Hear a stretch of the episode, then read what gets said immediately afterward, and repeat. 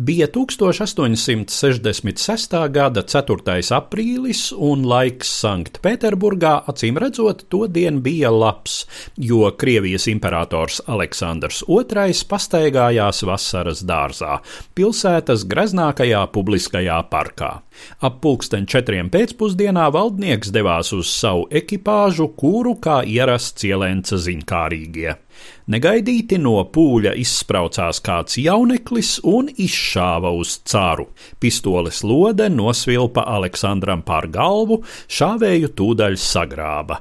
Imperators lika viņu pievest un noprasīja: Tu esi polis, krievs, tad kāpēc tu uz mani šāvi? To apmānīja tautu, apsolītai zemi, bet neiedevi.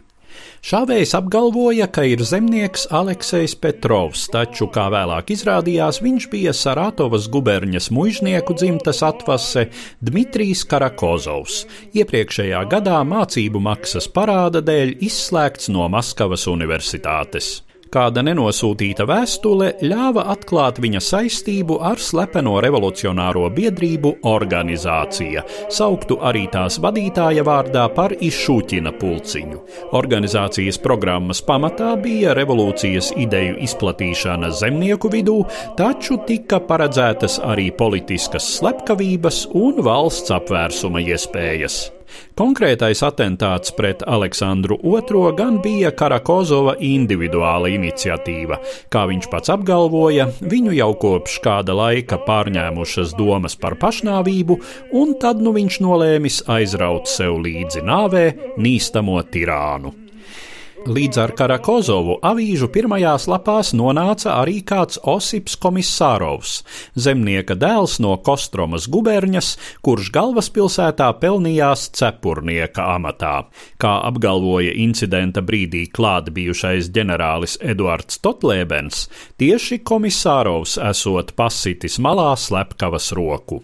Ģenerāļa liecība padarīja jauno cepurnieku par nacionālo varoni. Līdz Karakozova atentātam Krievijas cārus bija slepkavojuši tikai galma apvērsumos.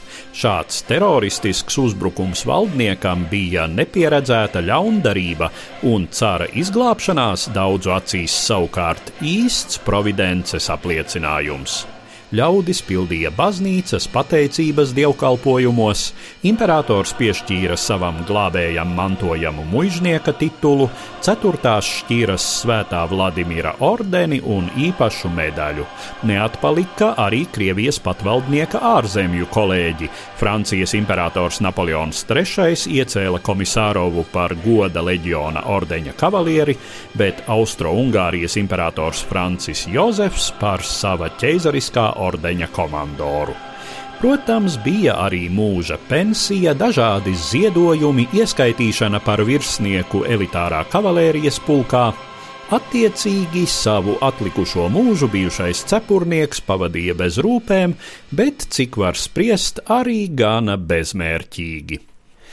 Dmitriju Karakozovu sodīja ar nāvi pakarot tā paša gada 3. septembrī.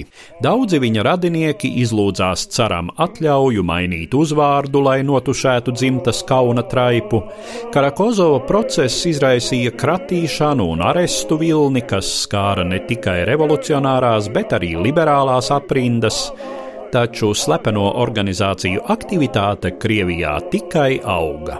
Var šķist paradoxāli, ka par teroristu mērķi kļuva Aleksandrs II, kurš taču atcēla dzimtbūšanu, mazināja cenzūru, īstenoja citas liberālas reformas, taču jāatceras, ka šīs reformas, kaut Krievijas apstākļiem diezgan radikālas, uz Eiropas fona bija novēlotas, nepietiekamas un jaunas problēmas raisošas. Bez tam Tiešām arī citur pasaulē individuālais terors tolaik tika uzlūkots kā līdzeklis politisku pārmaiņu sasniegšanai. Organizācija Narodnaja Voļa tautas griba, kas radās nākamajā desmitgadē pēc Karakozova atentāta, izvirzīja patvaldnieka nogalināšanu par savu programmatisku mērķi. Narodovoļcu spridzeklis aprāva Aleksandra II mūžu 1881. gada martā, stāstīja Eduards Liniņš.